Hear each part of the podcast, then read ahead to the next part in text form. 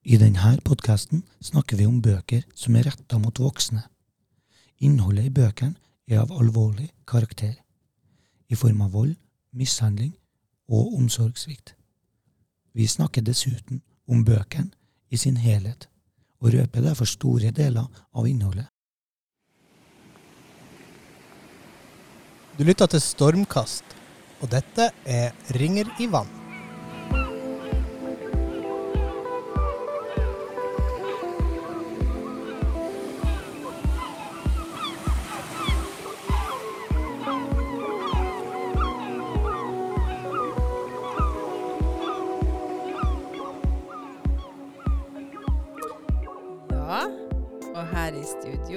Er det meg, Solgunn, i lag med han Kristoffer og han Runar.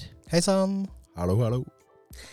I dag skal vi snakke om en Jeg skal prøve å ikke bruke ordet fantastisk, men vi skal snakke om en sterk og viktig og grusom bok som heter 'Tvillingenes dagbok', som er skrevet av Agota Kristoff.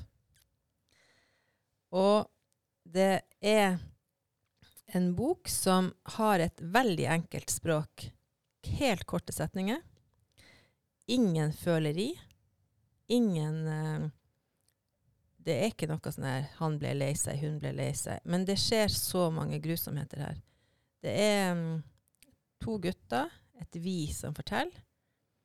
Og de havner hos bestemora si når det er kanskje ett år igjen av jeg har tolka det til andre verdenskrig, fordi at det er det Agota Kristoff sjøl sier. at hun, hun var jo født i 35. og Hun var ti år eh, i slutten av andre verdenskrig, og hun har skrevet om Hun sier at i intervju har hun fortalt at denne boka handler om seg sjøl og broren. Denne boka eh, beskriver to unge mennesker som har det skikkelig jævlig, og som øver seg på å tåle smerte med å utsette seg sjøl for enda jævligere ting.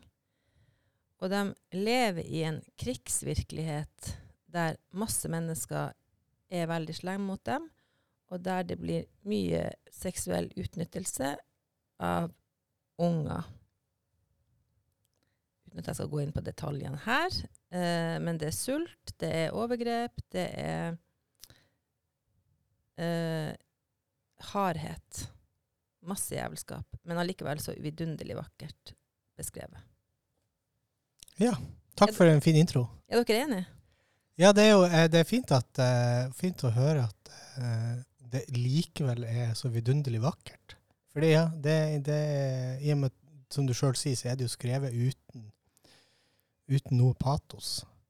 Uh, det er skrevet veldig nøkternt, eller nøytralt. Er du ikke enig i det? At det er ord man kan bruke. det kan man. Ja. Jo, jeg er for så vidt enig. Det, det er skrevet på en sånn Ja, uten å tillegge eh, ord noe ekstra verdi, eller Det er bare Det er bare Det er akkurat som at du Det er som en maskin, nesten. altså, det er vanskelig å beskrive, men det, det er et spesielt uttrykk, syns jeg. Absolutt. Hva som er vakkert med den, hvis jeg får spørre? Eh, altså, det er vakkert. Det er et vakkert litterært verk fordi at hun klarer på hundrede og Skal vi se hvor mange sider er det her? Det er 167 sider. Så klarer hun å lage et litterært verk som er uforglemmelig. Jeg tror at når man først har lest 'Tvillingenes dagbok', så glemmer man det ikke.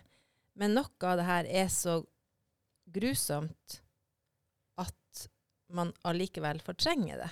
Og nå snakker jeg av egen erfaring. Ja, ja. Uh, ja, jeg har lest den flere ganger, og nå når jeg hørte den på nytt igjen på lydbok, så fikk jeg litt sånn sjokk. Oi, var det det her som skjedde? Det her har jeg ikke hørt før, liksom. Og så måtte jeg spole tilbake gang på gang for å virkelig lytte. Jeg hører Hæ? Altså, og da har jeg lest den før flere ganger. Min første leseropplevelse uh, av denne er i form av lydbok. Eller første og foreløpig da, eneste, bortsett fra her og der. Um, I bil, langtur, uh, så på en måte en slags um, Skal vi si binging av boka. Um, og da må det også sies at man blir litt sånn farga av uh, hun skuespilleren som leser. Gisken Arman. Ja, nemlig. For hun, eh, hun, eh, hun tolker den stilen til Agatha Kristoff, som jo er eh, nøytral på mange måter, som en, eh, samtidig som at, hun, at det handler om barn, eh, som en sånn eh, nærmest en sånn iskald Anne-Kat. Vestli, hvis du skjønner hva jeg mener. Hun, fordi hun, hun spretter liksom gjennom setningene uten å dra på verken den ene eller andre retninga. Eh, så det har en viss grad, sånn, en grad av noe rart, eller liksom, hva man skal si, quirky over seg. Men det er helt kaldt, ikke sant? Det er helt nøytralt fra hennes side også. Men sånn er det når man leser den også. Altså, Ja, det er klart at det gir en ekstra dimensjon med den stemmen til Gisken Arman. ja. Men Kristoffer, du har lest den. Ja, jeg har lest det. Jeg har uh, foreløpig kun lest den. Jeg har Ja, ikke hørt lydbok. Uh, så jeg har jo på en måte ikke vært farga av at noen andre har lest det før meg. Da. Um, men inntrykket mitt er jo allikevel at altså, Jeg følte at, at mye av greia Jeg, jeg lurte på om, om det var med, gjort med liksom med vilje og viten på en måte som et sånt trekk for å At det gjenspeiler personene i boka som, som de forteller om, på en måte, disse tvillingene. Om det er, det er på en måte et grep for å fremstille på en måte måten de har på en måte i løpet av boka bli kan, kan man hete desensitivisert, holdt på å si. Eh, på en måte. De opplever så mye drit at, eh, at de etter hvert blir litt sånn der eh, Det blir et skuldertrekk for dem, ting som ville sjokkert andre, på en måte. Men jeg vet ikke. Ja, nei, jeg, syns det er en fin måte å, å se det på, at, den, eh, at det kan speile de guttene. Men eh, det kan jo også speile denne iskalde eh, krigsverden som de lever i. For jeg tenker at de guttene de er jo helt fantastisk snill. Ja, Altså, selv om eh, bestemora og andre kaller dem for røverpakk og drittunger og ja, det så mye verre er, så er de jo, de er jo så snille. De tar seg av hareskår, eh, for eksempel. Og de har et vanvittig hjerte for dem som har mindre enn dem. Og det er jo ikke så veldig mange som har mindre enn dem. Nei, fordi at de, eh, de ordna seg godt. Eh, både med den, hva man skal kalle den gammeldagse eh, rikdommen i hermetegn til bestemora, vingården og det. Eh, men også med at de er veldig oppfinnsomme. Mm. Det er så spennende da, du nevnte jo hareskåler, den, den måten måte de blir introdusert der, og hvilken innstilling de har til henne. Eh, for det er jo som du sier, de behandler jo henne ekstremt snilt, og de ser på en måte hva hun gjør på en helt annen måte enn andre gjør. Der de besk beskriver hun som flink og snill, som hjelper til hjemme på en måte. Det er vel Mm. ganske tidlig i boka det blir beskrevet på. Men når de trenger kynismen sin, så bruker de den også. Når de tar vare på eh, hun som blir omtalt som kusina, eh, som jo åpenbart ikke er kusina deres, men ei som trenger å være i skjul, så eh, vi, prøver hun å kreve sin plass på loftet med de. Og så er de veldig sånn Nei, vi har en hemmelighet, og hvis ikke du respekterer vår hemmelighet, så respekterer ikke vi eh, din hemmelighet. Så da dør du, sier de også til henne. Og det hadde, altså, de hadde vært i stand til å gjøre det, vet, vet jo det. Ja, ja. De har jo tatt livet av noen, en del personer i løpet av denne boka. Ja, Jeg har fortrengt de fleste av. Direkte eller indirekte, så ja. Men eh, altså en episode, eller en eh, altså Det er noe Når jeg først skal jeg spørre Kristoffer, har du noen spesielle scener som har vært litt sånn Som du Som på en måte har brent seg fast hos deg? Ja, altså Det er jo ikke til å komme unna at uh, det er et par eh, ekstremt sånne brutale skildringer, annet historien til Hareskår, for eksempel, eh, som er vanskelig å glemme. Og så er det jo eh, også på en måte når de uh, treffer mora si uh, i boka, og uh, måten hun har lyst til å ta dem med på, og hva som skjer der, den var tung å svelge. altså, når jeg leste det, så var det litt sånn der For man kan på en måte kjenne den der eh, Jeg bare tenker det, det er liksom det er umulig å ikke tenke på hva hun mora følte i den situasjonen. Mm. Eh, og Ja, nei, jeg, jeg, det, så det har satt seg veldig uh, fast, da, på en måte. Mm. Og så er det òg måten boka slutter på, fordi at den, den på en måte hinta litt til et frampek tidlig i boka, som, som jeg også husker godt, da. Som handler om forholdet mellom de to guttene. Uh, ja. Ja. så, så eh, Skal du ta et avsnitt, fra det du sa? Ja, jeg kan, jeg kan jo selvfølgelig eh, lese bitte litt der. Skal vi se.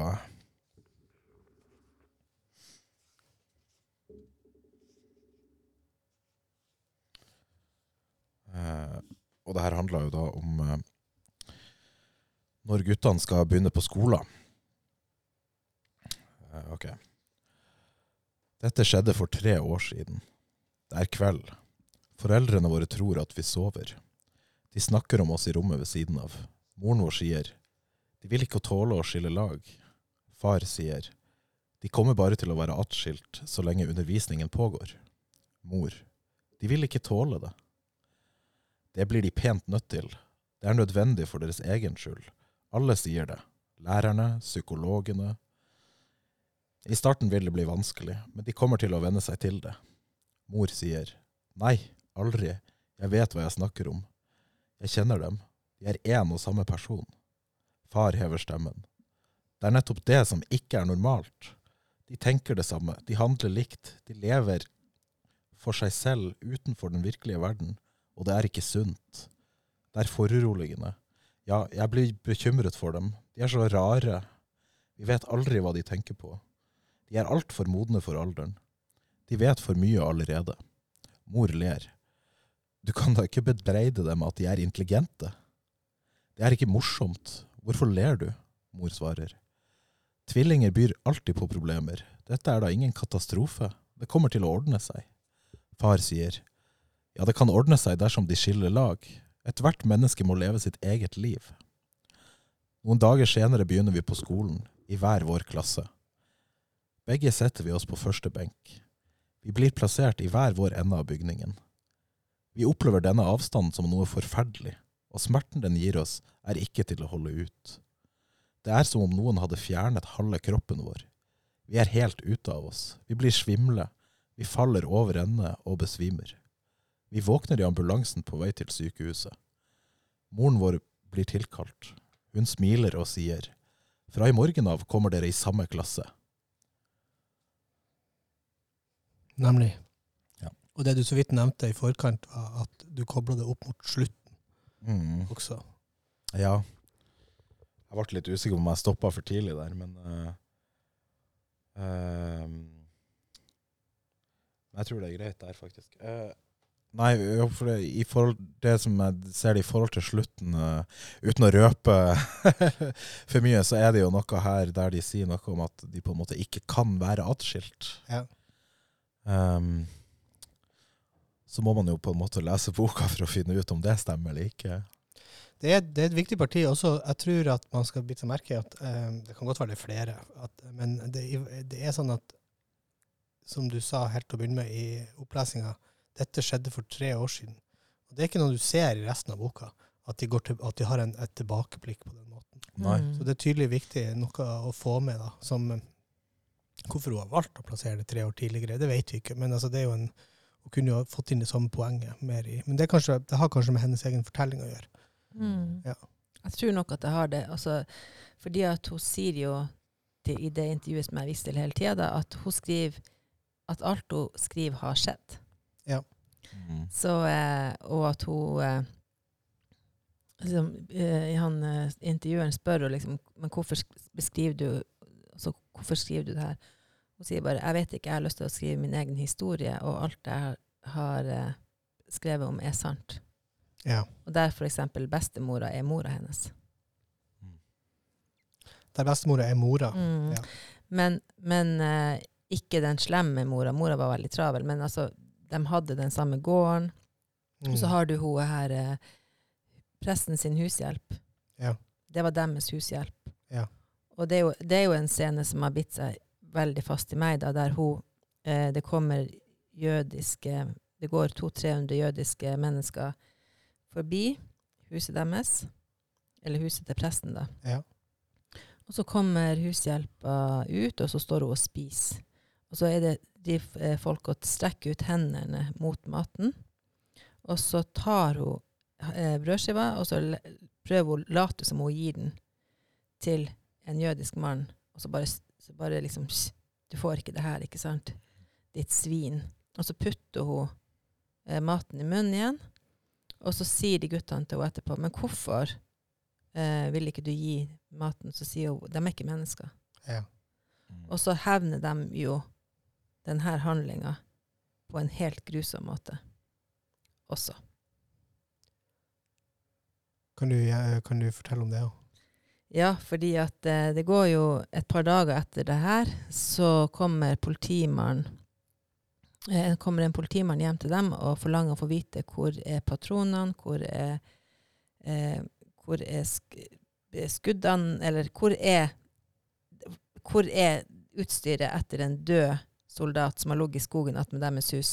Fordi at det viser seg da at hushjelpa har tent i ovnen med ved som hun har fått hos dem, for de kommer jo med ved til presten en gang i uka. Og så har de putta patroner eller skudd inn i veden, sånn at når hun tenner på, så eksploderer veden, og hun får store skader. Og hun skal egentlig De hadde vel håpet at hun skulle dø, men det blir jo ikke sagt. ikke sant? Det er jo jeg som tolker det. Men helt på slutten så står det jo For det blir jo aldri sagt at, de, at det var dem som gjorde det, men helt på slutten så blir det jo sagt. Ja. Fordi at da, fin, da, da tar de med seg de utstyret etter den døde soldaten. Som de tvinekta på. Altså de nekta, nekta, nekta ikke sant? på at de hadde eh, at de hadde funnet den døde soldaten, og at de hadde funnet våpenet hans og ammunisjon. Mm. men så vet vi jo at de gjorde det. Og bestemora spurt, stiller dem jo også spørsmålet da, når de kommer tilbake fra sykehuset, for de blir jo slått helt helseløs og havner jo i fengsel. og havner på et militærsykehus etter hvert. Og når jeg kommer tilbake, så sier bestemora bra dere nekta, bra dere nekta, men hvorfor gjorde dere det? Hadde hun fortjent det, liksom. Ja.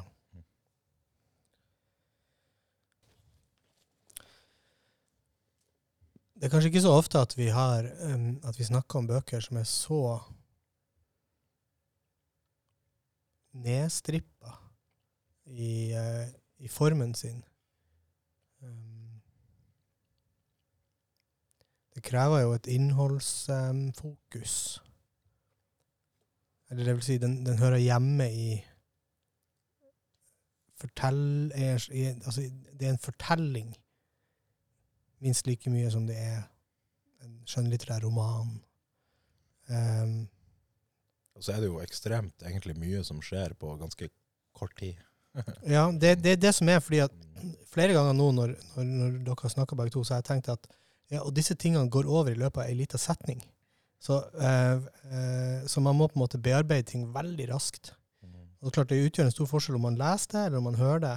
Eh, men likevel så, er det, så vil det være der at du må på en måte bare, som du sa helt tidlig, Solgunn, at du måtte spole tilbake og sjekke Hæ, sa de det? Var det var det, det som skjedde? Mm. Um, Ja, og, og jeg tenker den, altså, Jeg skal ikke si akkurat hva den scenen var, men jeg kan si hva scenen er, men jeg skal ikke gå detaljert inn på den. Men det er første gang Hareskår eh, Nå bruker jeg hermetegn. ja, Leke med hund, ja, ikke sant? tvillingene. Ja. Mm. ja. Den scenen der, den Altså, jeg har jo som sagt lest boka før, jeg har hørt den før. Men nå når jeg hørte den igjen, så, så hadde jeg ikke hørt det. Og det var akkurat som om jeg har fortrengt det. Og Derfor måtte jeg spole den tilbake tre ganger mens jeg Nei.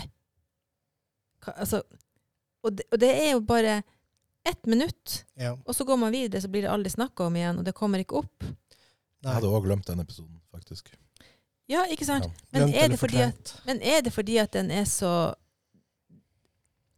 eh, Den er så Jeg vet ikke, jeg har aldri lest en sånn scene. Nei, den er jo superdrøy.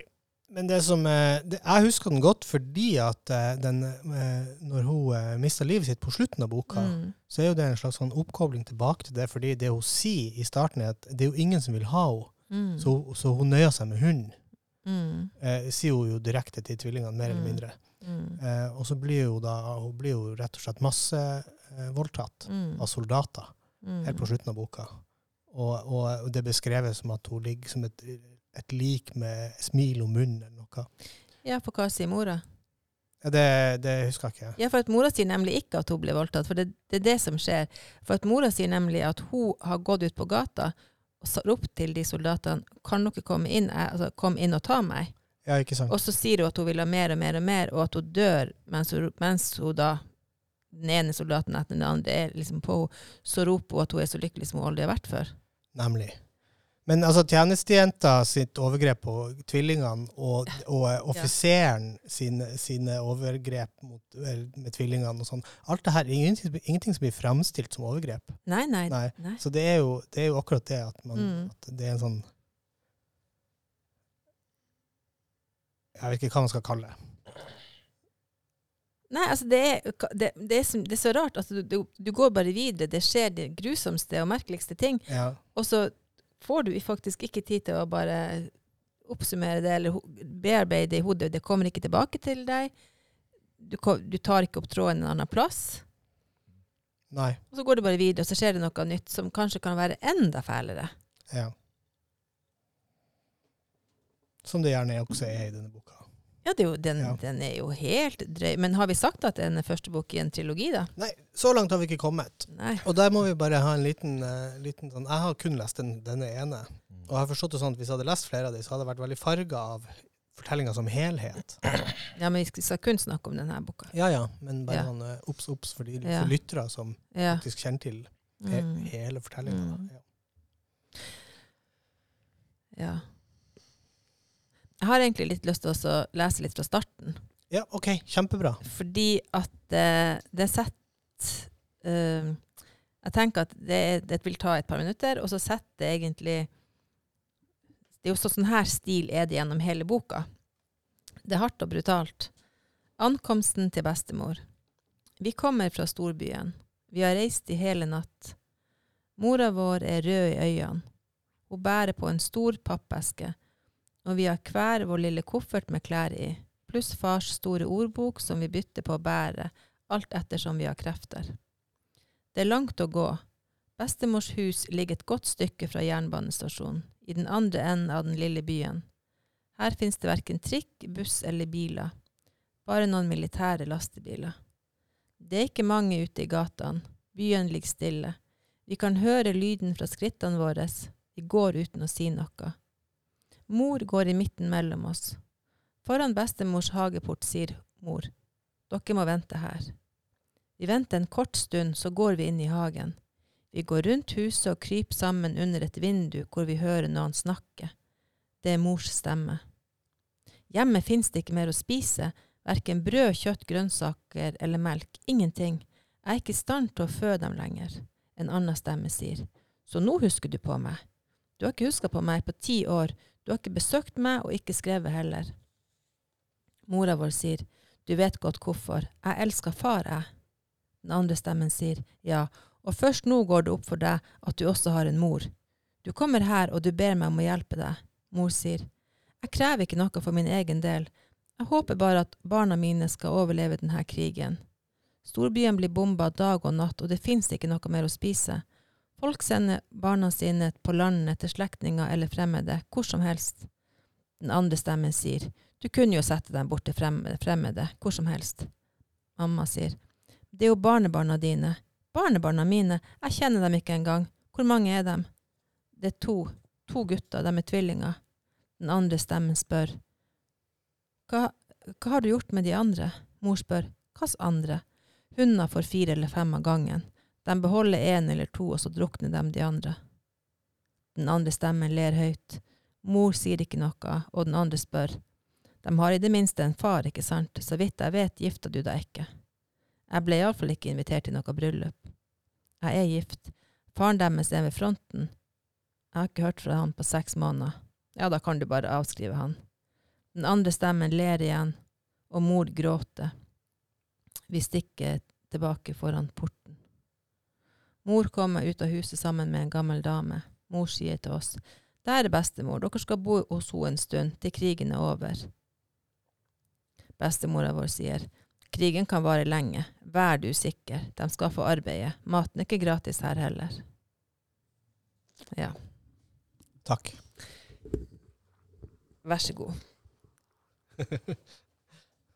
Ja, nei, det er snakk om å sette tonen. Man, eh, man er jo eh, eh, langt inne i hodene til tvillingene i forhold til hva, hva man vet og ikke vet. Hvor, eh, hvor stor, altså perspektivet ens utvides sammen med de. Vi vet ikke hvem den andre stemmen er, ikke sant, til å begynne med, videre. Jeg tenker litt på um, det her, det her tvillingmotivet, ideen om tvillingene som hovedpersoner, som er så eh, som er så bærende for boka, sånn som du, det du leste, Kristoffer. At eh, de tåler ikke å være fra hverandre. Da blir de fysisk syke. Um, og som vi vet, på slutten av boka, så, eh, så eh, skilles de ad fra hverandre. Men eh, vi vet jo ikke noe mer enn Vi vet ikke Altså, for oss som ikke har lest videre, så hva som er konsekvensen av det. Eh, nå vet jeg ikke om i stor grad hun hadde planlagt å skrive og fortelle den historien lengre da hun ga ut den første, eller om det var meninga å, å bare la folk vente litt, og så før hun gikk videre. Tok det lang tid mellom bøkene, tror du, Solgunn? Ja, men det har jeg jo oversikt over her. Ja, ja. Paus et lite øyeblikk. Her har Ja, det er jo faktisk på fransk. Så det vil vel si at jeg har vel ikke den helt store oversikten. eh, jo, det har jeg faktisk. Ja, OK. Eh, Tvillingenes dagbok kom i 1986. Og så Nei, hvor, det går jo ikke annet. Altså 1988 kom beviset. Og i 1991 kom Den tredje løgn. Ja, det går vel an. Ja, det går jo an. Jeg vet Ja. ikke hvorfor jeg, hvorfor jeg sa det. Det var jo for at hun døde jo også en gang her. Eh, Ja, ikke sant. det var jo sånn det var. Ja, hun var jo født i 1935. Ja. 30. oktober. Ja. Min bursdag. Ja, vi har bursdag i lag. Litt opptatt av bursdager her. OK.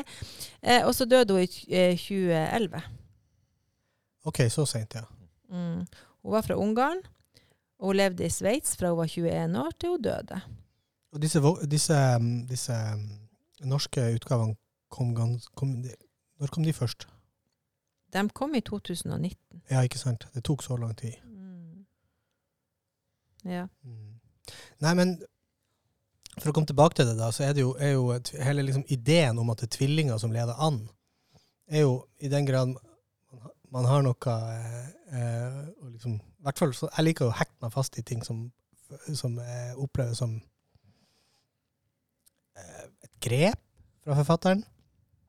Og dette oppleves som et grep. Og du fortalte jo meg senere, etter at jeg har lest den, Solgunn, at um, at hun, hun egentlig gjenforteller sin egen eh, barndom.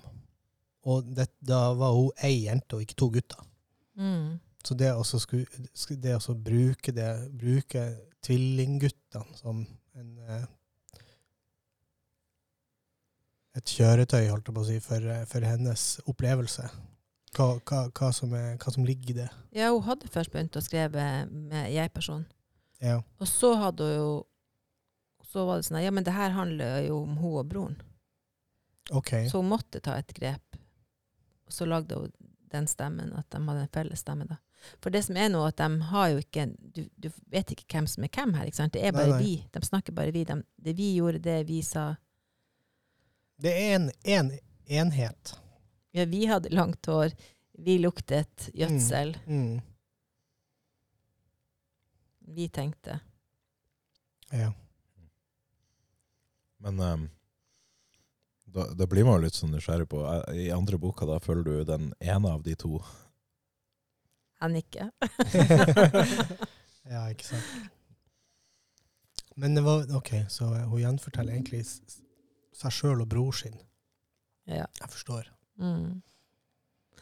Jeg syns eh, alle sammen som er interessert i å vite mer om Agota Kristoff Jeg syns skal, dere som har lyst til det, skal lese det intervjuet som heter 'En samtale med Agota Kristoff'. Eh, som er i Music and Literature. Ja. Den, det er så interessant, for hun er, så, hun er liksom så rå. Hun er blitt veldig Så det her er like før hun dør, da. Eller hun er blitt gammel, og hun slutter å skrive. og hun, hun bryr seg ikke om noe. Hun har liksom helt Nei, det eneste hun gjør, det er å se på Derek. ja, ikke sant. Hun er helt sånn flat.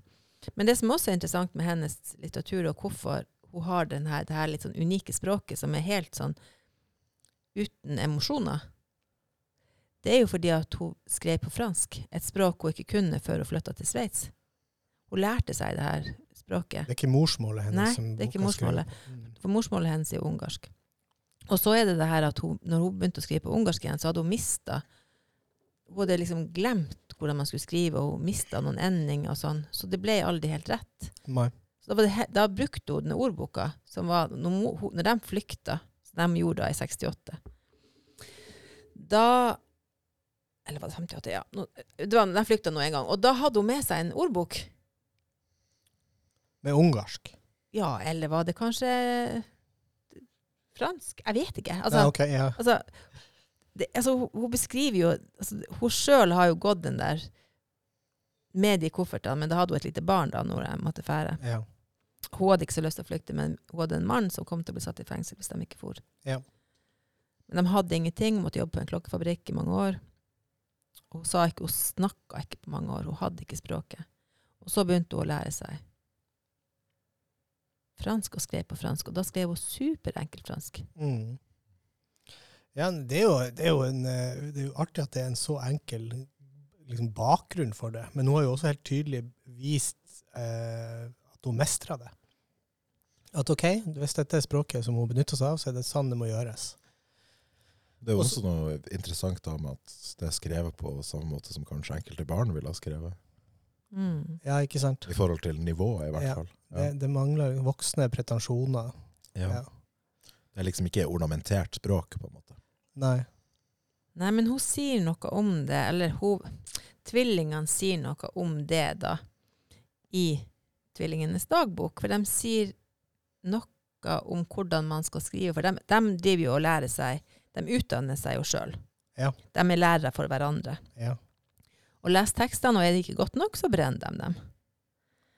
Og det handler om å være så presis i språket som det går an til å bli. De øver seg på presisheten. Og man kan ikke beskrive Jeg skal faktisk finne frem den der. ja, det syns jeg du skal gjøre, for det er jo en veldig fin passasje. Ja. Få høre. OK. Eh, tvillingene beskriver jo hvordan, eh, altså hvordan man skal skrive godt. da.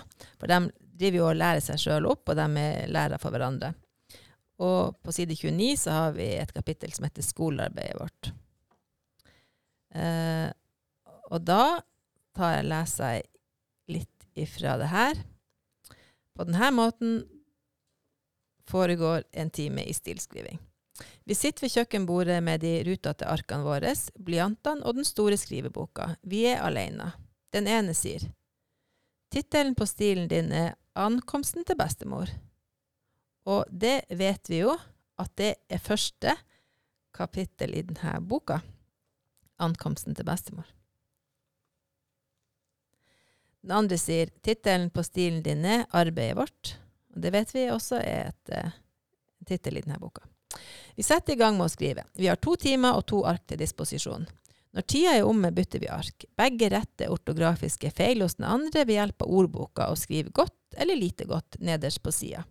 Hvis det blir lite godt, kaster vi stilen i ovnen og forsøker å drøfte samme tema i neste time. Dersom vi setter godt, fører vi stilen inn i den store skriveboka. For å finne ut om det er godt eller lite godt, gjør vi bruk av en megel enkel regel. Stilen skal være sannferdig. Vi må beskrive det som virkelig går for seg, det vi ser, det vi hører, det vi foretar oss. Det er for eksempel ikke tillatt å skrive 'bestemor ligner på en heks'. Men det går an å skrive 'folk kaller bestemor for heksa'. Det går ikke an å skrive 'den lille byen er vakker', for den lille byen kan være vakker for oss, men stygg for andre. På samme måte, dersom vi skriver 'ordonansen er vennlig', er ikke det en sannhet, for han er kanskje i stand til å utføre ondskapsfulle handlinger som vi ikke kjenner til. Vi skriver ganske enkelt 'ordonansen gir oss ulltepper'. Vi skriver vi spiser mye nøtter og ikke vi er glad i nøtter. For å være glad i er ikke et pålitelig uttrykk. Det mangler presisjon og objektivitet. Å være glad i nøtter og å være glad i mor kan ikke bety det samme. Den første formuleringa betegner en behagelig smak i munnen, den andre en følelse. De ordene som går på følelsene, er veldig uklare. Det er bedre å unngå å bruke dem, og heller beskrive gjenstanden av mennesket og seg sjøl. Det vil gi en etterrettelig beskrivelse av tingenes tilstand. Og her har vi jo hele nøkkelen til Ja, boka. Du fant nøkkelen du, Solgunn. Det her er jo poetikken hennes. Det her er jo det hele ideen. Ja. Ja, visst. Så det er jo det hun, hun, altså de, hun beskriver ikke følelser. Men vi skjønner jo allikevel hvem som er god og hvem som er snill, og at man er jo ikke enten bare god, bare ond. Og så ut, og så er I og med at det, alt det her skjer i en så ekstrem verden, så utfordres også dette, den, den, dette idealet hele tida. Eh, eh, forsøksmessig Altså det er hos leseren, tenker jeg på. Du må hele tida forholde deg til i hvor stor grad for, altså i hvilken del av, eller hvilken eh, mengde av, videre, følelsesspekteret som du, du går inn med som leser. Um, så ja da. Det det var, Ja. var spikeren på hodet. Ja, men så jeg leste, det var en, en anmelder som hadde skrevet at de tenkte at denne boka eh, var så enkel at den kunne brukes på ungdomsskolenivå. Og da tenker jeg at det syns jeg blir helt eh, Den er jo ikke enkel i det hele tatt. Nei, det er jo Hva er enkelhet, eller hva er Krever, altså, jeg tenker at den krever en viss modenhet. Ja, altså Ja, kanskje for å måtte fullt ut uh, forstå alt det blir skrevet om, eller Men um, samtidig så er den jo veldig Den er jo uh, Jeg vil jo si at den er lettlest, på en måte. Altså, jeg vet ikke, men om det, om det er bare språket Det, det er i hvert fall ikke tematikken. men, eh, men det er på en måte Den har et sånn Altså, jeg vet ikke om det, om det har med rett og slett hvordan den er skrevet, at den bare føles veldig sånn Det er et godt driv i den. Man blir hele tida på en måte Det går framover, på en måte. Du føler aldri at du står i stampe med denne boka, føler jeg. Ehm, og sånn sett passer den sikkert godt, uh, kanskje for, for noen som er litt mer utålmodige når de leser, da. Men, uh, men jeg er jo enig i at tematikken kan jo være tung, og selve alvoret som hele tida er der. Uh, og det å faktisk bare lese litt mellom linjene og skjønne hva forskjellige ting betyr, er kanskje ikke nødvendigvis like enkelt for alle på ungdomstrinnet. Altså, det her er jo vanskelig for voksne, eller for alle. Det her er jo så heavy materie at uh, du må være en bra, dyktig pedagog sammen med ungdomsskoleelevene dine hvis du skal gå gjennom det stoffet her. Ja, men jeg tror man, altså, man kan nok gjøre det, men at det krever, det krever så mye, for at du må jo uh, Nå har jo jeg hatt mine, mine timer i ungdomsskolen Ja. uh, bak et kateter, og det er jo Det er jo sånn at man kan komme inn der med en sånn her tru på at eh, Nei, nå har jeg noe bra. og så kommer det vel litt an på klassen, selvfølgelig, og modenhetsnivået, men eh, de aller fleste vil jo bare tulle det bort, eller ikke ha, ha lyst til å sette seg inn i det. For de har helt andre interesser. Og noen helt få, når de er så unge, vil ha lyst til å jobbe med det sånn som det kanskje må jobbes med. Jeg syns det høres som sunt ut å, å, eh, å frastøte seg dette her når man er i den alderen, egentlig. Ja, ja, det er, du har helt rett. Men, men den her, den Jeg sa akkurat til Karoline på nabokontoret nå at eh, hun tok og lasta den ned da, i Gisken Arman sin utgave. Eh, at det er faktisk en av de, de, en av de beste bøkene. Altså, som Hvis jeg sier at jeg har lest 200 bøker i året fra jeg er 15 år, og nå er jeg 53, så her er en av de bøkene som, som står som en sånn her eh, Jeg kan aldri glemme den, selv om jeg tydeligvis glemmer enkelte Jeg fortrenger enkelte hendelser. Så står de guttene der, og den landsbyen og den bestemora, de står som en sånn her Det glemmer jeg aldri. Nei, det skjønner jeg. Det er, det er ganske sterke både bilder og Ja, det er i hvert fall sterke bilder som skapes. Og, og karakterene i seg sjøl. Men Kristoffer, du snakka forrige gang, så snakka du om en bok som var veldig god. Som du likte kjempegodt. Mm. Kan den sammenlignes med denne boka? Eh, I den grad så jeg likte den kjempegodt, ja. Men um, på, på hvilken måte tenker du da? Nei, for den boka handler jo om en seksualovergriper. Ja. Eh, Og her er det jo veldig mange overgrep mot barn. Ja. Ja, det er jo Det er jo fra en litt annen synsvinkel, da. Ja. For der er man jo inne i hodet på overgriperen, eller overgriperen, holdt på å si. Mm. Mens i denne boka så ser man jo på en måte alt utenifra, og i eh, Noe av det i, i preteritum, på en måte. Mm. Men um, det, jeg syns det er vanskelig å sammenligne de helt sånn, da. Hva var navnet på den boka? Den heter 'Mudderhunden'. Ja, Inge Skilperord eh, Mm. er to som har skrevet den. Um, men ja, nei, det, det er vanskelig å sammenligne de helt. sånn. De er veldig forskjellige. De er veldig forskjellig skrevet, føler jeg. Um, og der den ene på en måte Der den uh, 'Tvillingens dagbok' er veldig sånn Ja, som jeg var inne på, at den, den der er jo på en måte alt av, av staffasje fjerna.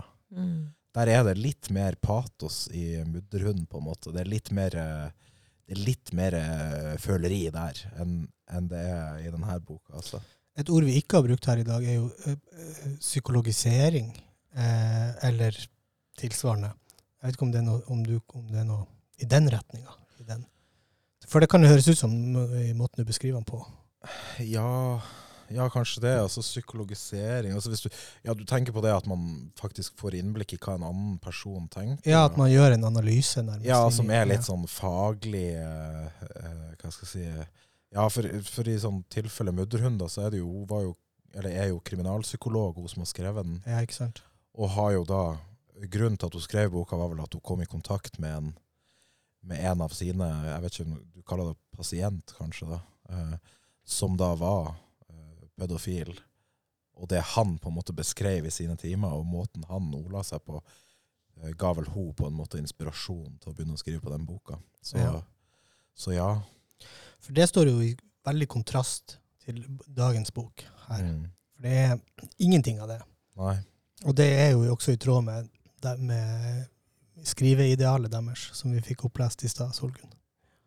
Ja. Men det er sånn hun skriver. Ja, det er sånn hun skriver, og det og det er Ja. Det. Det jeg er nydelig. Jeg fikk så lyst til å begynne å skrive sånn sjøl. Det er veldig effektfullt, på en måte. Altså, det er jo Det gir jo en helt annen Ja, det gjør noe med stemninga, på en måte. Det gjør noe med Men uh, hun Kristoff hun har jo sjøl Hun har flere sånne litterære forbilder. da.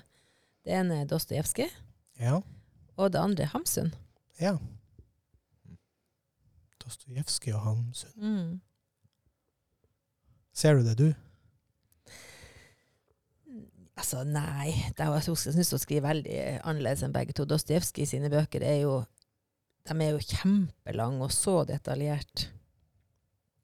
Så eh, jeg klarer ikke å se akkurat det, da.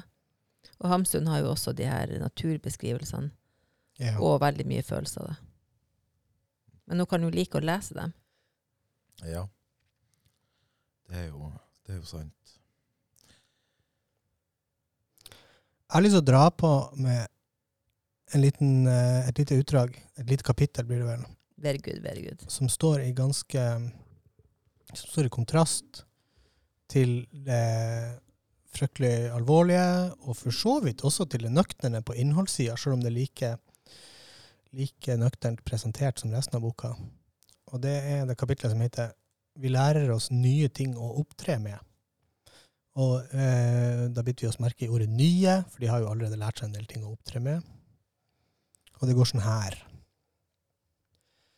Vi lærer oss å sjonglere med frukt, epler, nøtter, aprikoser.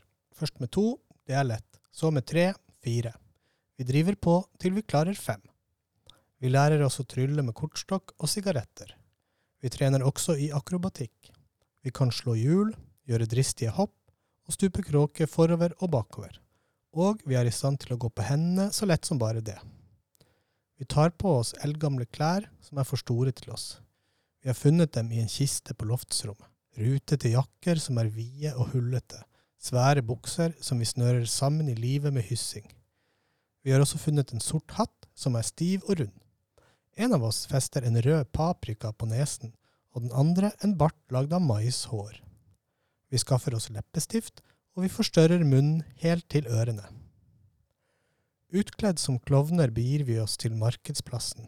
Det er der de fleste butikkene ligger, og der de fleste menneskene ferdes. Vi begynner forestillingen med å spille høyt på munnspillet, og slå hardt på det tomme gresskaret vi bruker som tromme. Når det er tilstrekkelig med tilskuere rundt oss, sjonglerer vi med tomater og egg. Tomatene er ekte, men eggene har vi tømt og fylt med fin sand. Siden folk ikke er klar over det, roper og ler og klapper de når vi later som vi så vidt klarer å fange inn et egg. Så gjør vi tryllekunster og avslutter med akrobatikk.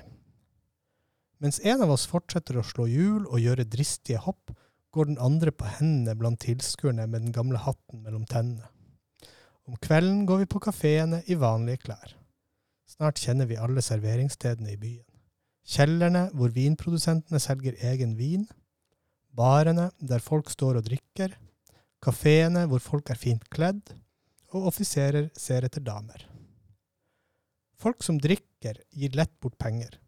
De blir også lett fortrolige. Vi snapper opp alle slags hemmeligheter om mange slags mennesker. Ofte byr de oss noe å drikke, og litt etter litt venner vi oss til alkohol. Vi røyker også sigarettene de gir oss. Overalt blir vi møtt med begeistring. Folk synes stemmene våre er vakre. De klapper og kaller oss fram igjen flere ganger.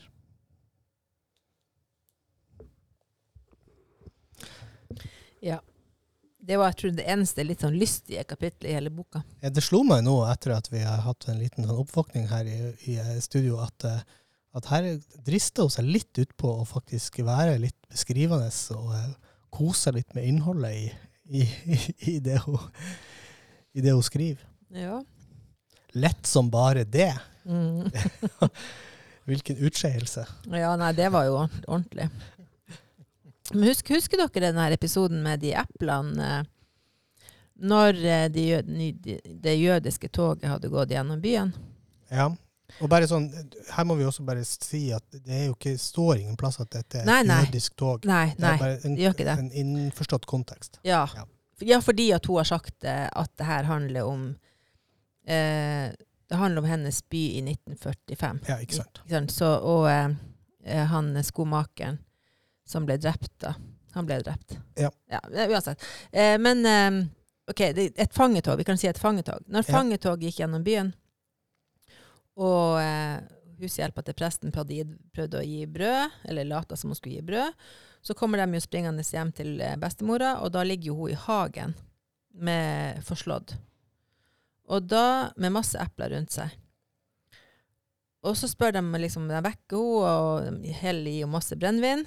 Hun skal ha mer og mer og mer, for det er jo det hun drikker hver eneste kveld og snakker på et, et annet språk. Og så sier hun ha mer brennevin, og så våkner hun til slutt, og så spør de men bestemor, hva har skjedd? Eh, ja, nei, det som hadde skjedd, var det at hun hadde tatt og eh, eh, plukka epler, og så hadde hun putta det i skjørtet sitt. Og akkurat når det fangetoget gikk forbi, så hadde eplene rulla ut på veien, sånn at eh, de fangene hadde begynt å spise epler. Og da hadde de vokterne kommet og slått henne, sånn at hun besvimte. da. Og da Og det er egentlig den første gangen at bestemora viser omsorg for andre, syns jeg. For det er jo en bevisst Altså, hun gjør det jo med vilje. Hun gir mat til fangene. Det er påfallende. Ja, har dere lagt merke, la dere merke Jeg kjørte kanskje en tunnel da det skjedde, holdt jeg på å si. Nei, jeg, også, jeg, En jeg, mentale. jeg klarer ikke å huske det. Nei. Kunne hun være snill? Hun hadde et øyeblikk hvor hun var snill, men du sa den første. Er det flere som du husker? Nei, Jeg husker ikke dette. det husker ikke. Nei, det, er det er den, egentlig den eneste gangen som hun er omsorgsfull. På en annen side, så altså Når de her guttene treffer mora si igjen, så må man jo tro at på en måte hun har behandla dem på en måte som har gjort at de allikevel har blitt glad i henne på en eller annen måte. Siden de ikke vil være med mora hjem, ja. Ja.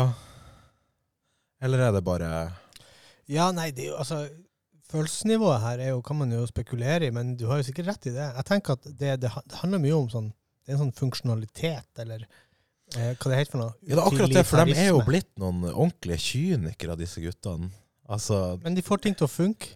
Ja. Det er sånn når, når faren helt på slutten av boka spør de eh, eh, hvordan, får, hvordan får dere til det her? For, for de byr på liksom ost og skinke og syltetøy og smør og alt sånt. Så, så svarer de vi arbeider. Så det, det, det liksom De, de, de har ordna seg. Ja, og det er akkurat der De var jo tigde.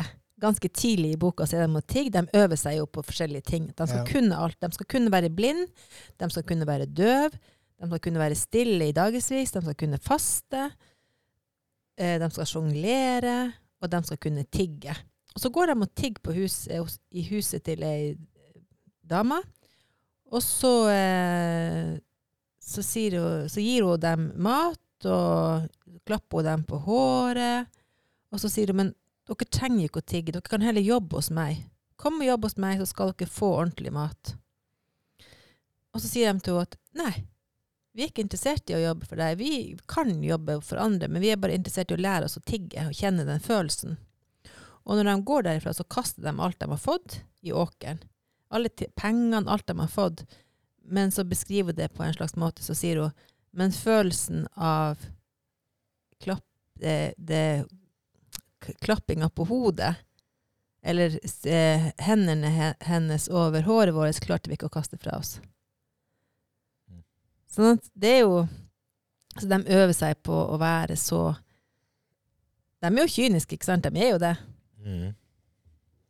Ja, de er liksom kalde og beregnende. Altså Men følelsen av å bli klappa på hodet klarer de ikke å kaste fra seg. Nei, så de, de, altså, de har jo en slags De ønsker jo, de ønsker jo Altså, de har jo beskrevet at de hadde en mor som brydde seg.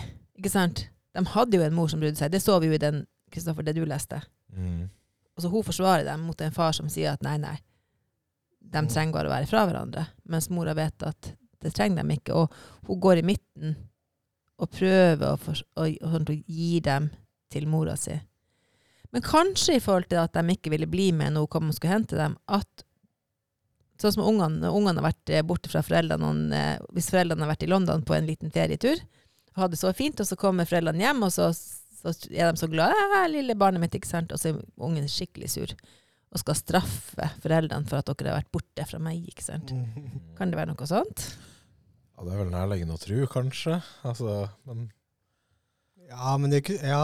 det, det kommer litt an på Her er jo alder spilla inn her også. Ja, for det, er jo, det her er jo et problem, synes jeg, i lesinga, at uh, de er tilsynelatende veldig unge, men har et, uh, en, eh, et modenhetsnivå når det kommer til eh, dette ryddige og dette um, Hva skal jeg kalle det for?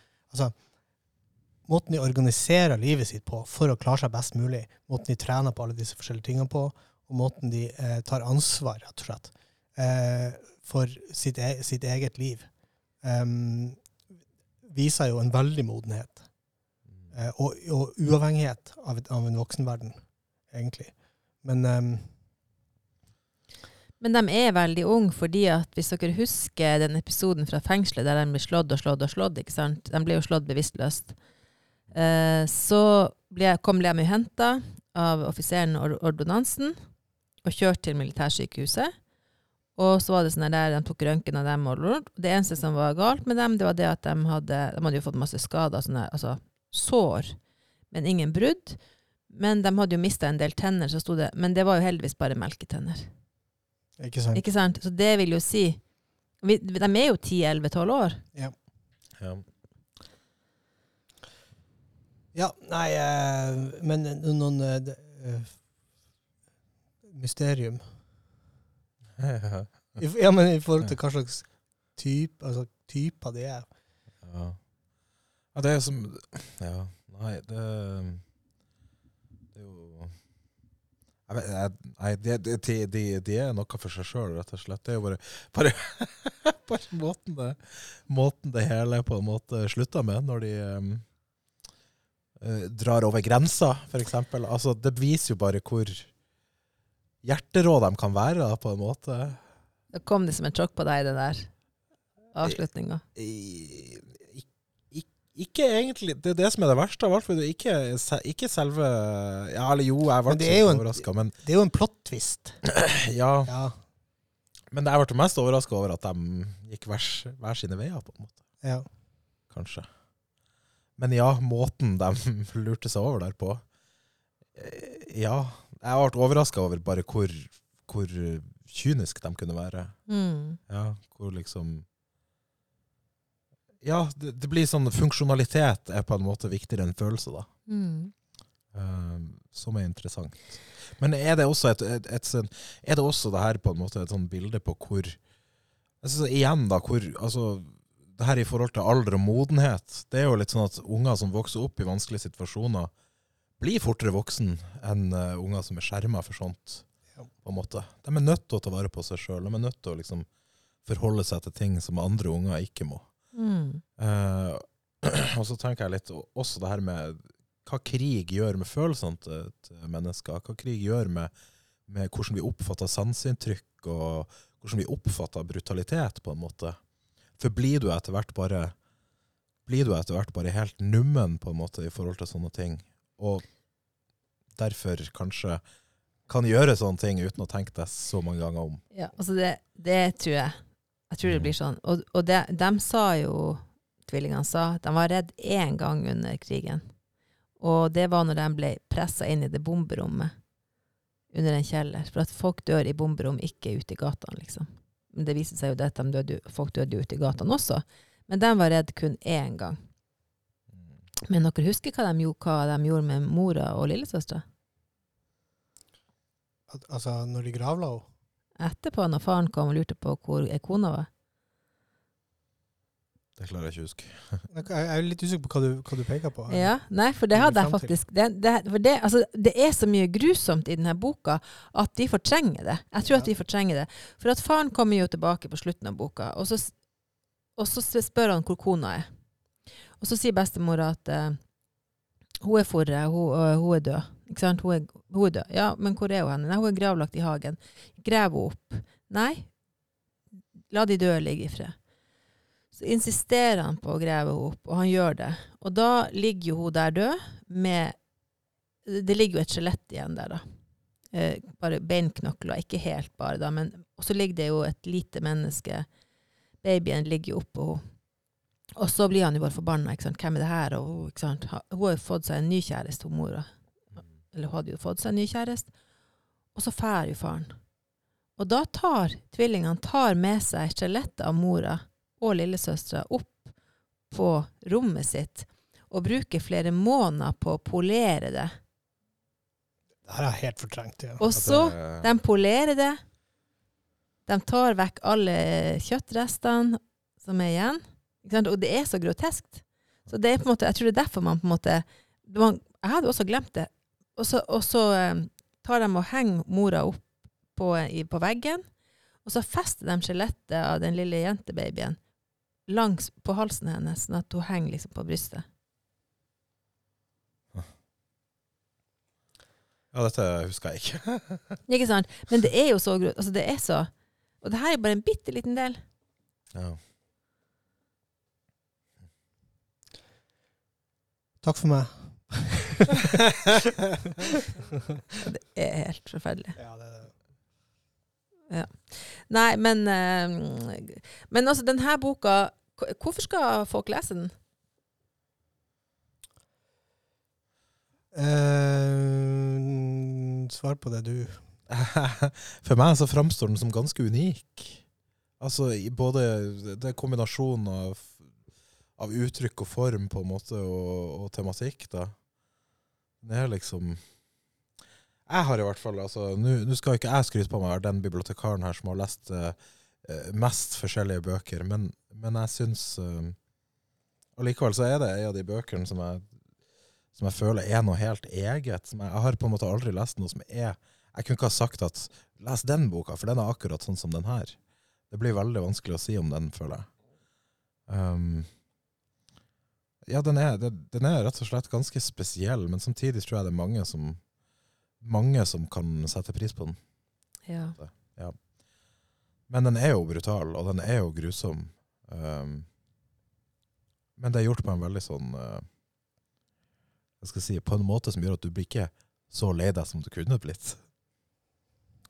Eller? Ja, nei. Nei Du kan lese den som en sånn uh, lærebok i, i økonomisk fortelling, uh, eller noe tilsvarende. Altså, for det, det er jo der den virkelig, virkelig skinner, Ja. spør du meg. Uh, og, eh, og da kan man jo også på et eller annet vis skydde seg litt mot grusomhetene den. Mm. Og så elsker jeg måten den er, skrevet på. Altså måten det er veldig korte kapitler, egentlig. Ja, ja. Så du, du, kan, eh, du kan på en måte sjøl velge litt når du vil ha pauser og opphold i det, på en Mm. måte. Og, um, ja, nei, og som jeg sa, nevnte i stad, jeg syns det er et veldig driv i den, egentlig. Jeg syns den er veldig sånn um, Den virker på en måte lettlest, da, til tross for tematikk. og mm. sånn, så er, det- så er det ei bok som man Blir du først litt oppslukt, så raser du fort gjennom den. altså. Ja. Enn du, Solgunn? Nei, jeg tenker at det er en slags eh, fortelling om styrke. Altså det er de guttene jeg syns de De de er jo grusomme, men de er også De har en vanvittig selvoppholdelsesdrift. Eh,